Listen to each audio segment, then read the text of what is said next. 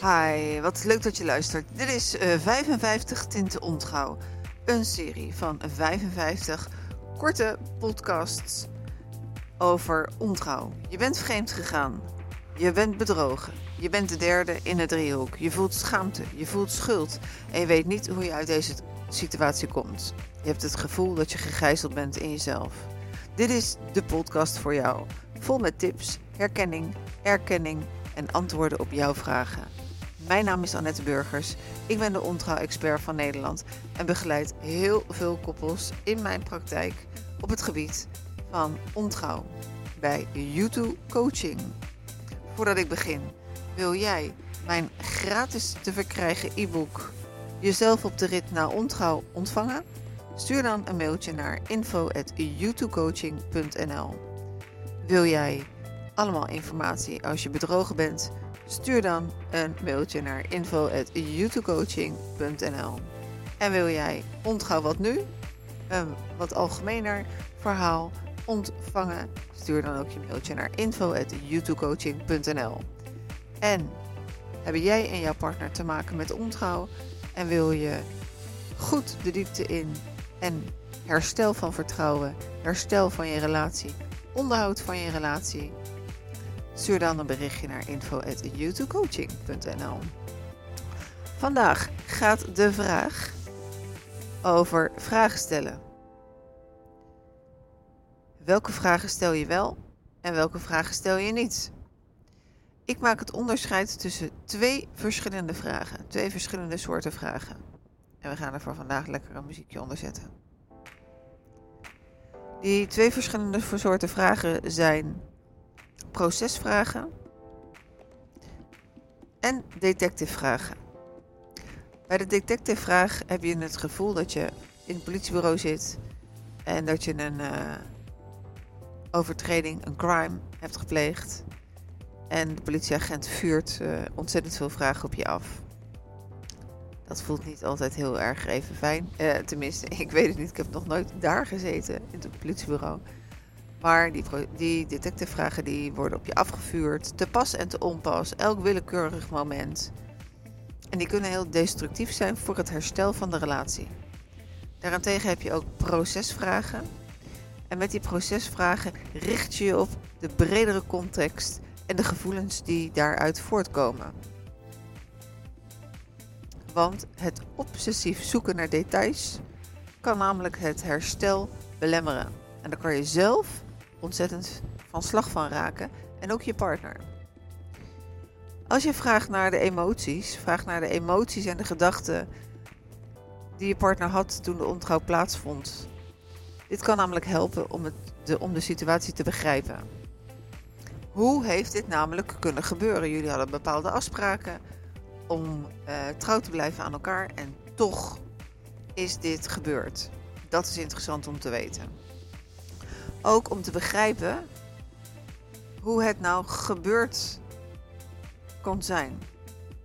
Welke onderliggende problemen liggen hier aan ten grondslag? Zit het in het familiesysteem? Zit het in zijn of haar DNA? Of voelde hij of zij zich niet gezien in jullie relatie? Dit kan allemaal onderliggend zijn.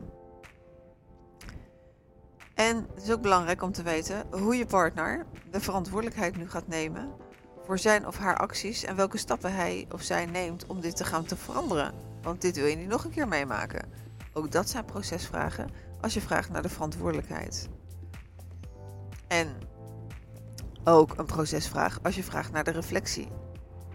Heb jij nagedacht over de impact die dit op mij kan hebben en die dit op onze relatie heeft? Ook is het van belang om te weten wat de toekomstige intenties zijn. Hoe gaan we dit voorkomen en hoe kunnen we de relatie gaan herstellen met z'n tweeën? Zorg dat het veilig is als je je vragen stuurt. En veilig, misschien denk je wel van ja, uh, jij hebt mij dit aangedaan, dus ik heb het recht om. Nou, als je dat denkt, met alle respect, dat zijn, dan maak je gebruik van het destructieve recht. Jij hebt mij iets aangedaan, dus nu ga ik jou iets aandoen. En als ik jou vragen wil stellen, dan heb je elk moment te antwoorden. Zo werkt het niet. Ja, Je hebt recht op jouw verdriet, je hebt recht op jouw boosheid. En je hebt recht om alles te weten, te willen weten en de antwoorden te krijgen die je wil weten. Ik merk in mijn praktijk dat niemand 100% de antwoorden krijgt. En 100% antwoorden is ook niet noodzakelijk om je relatie te kunnen herstellen. En sommige antwoorden zijn zelfs beter om niet te horen. Als je de antwoorden niet wil weten, moet je ook de vragen niet stellen. Want dan kom je terecht bij die detective vragen.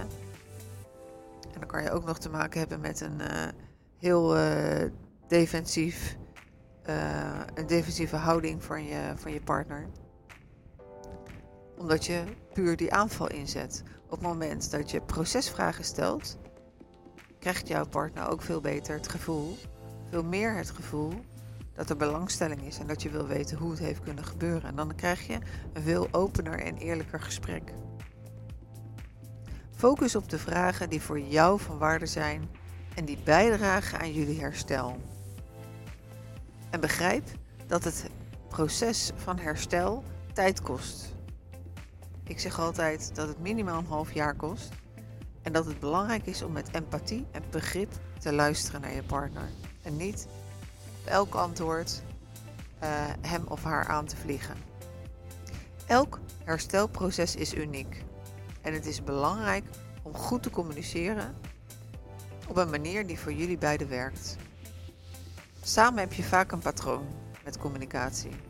Dat patroon kan niet handig zijn en daarom zou ik ook altijd voorstellen: ga naar iemand die jullie kan begeleiden in het goede gesprek en het herstel van jullie relatie. Het herstel van het vertrouwen en een goed onderhoud en herstel van jullie relatie. Het is mogelijk om weer verliefd te worden op je eigen partner. Nou, dit waren een paar tips. Uh, de 10 tips. Heb je nog meer vragen? Stuur een mailtje info.youtubecoaching.nl Wellicht behandel ik in deze 55 tinten ontro jouw vraag. En wil je weer meer weten? Ga naar www.youtubecoaching.nl Dankjewel voor het luisteren en tot de volgende keer. Dit was overigens aflevering 4.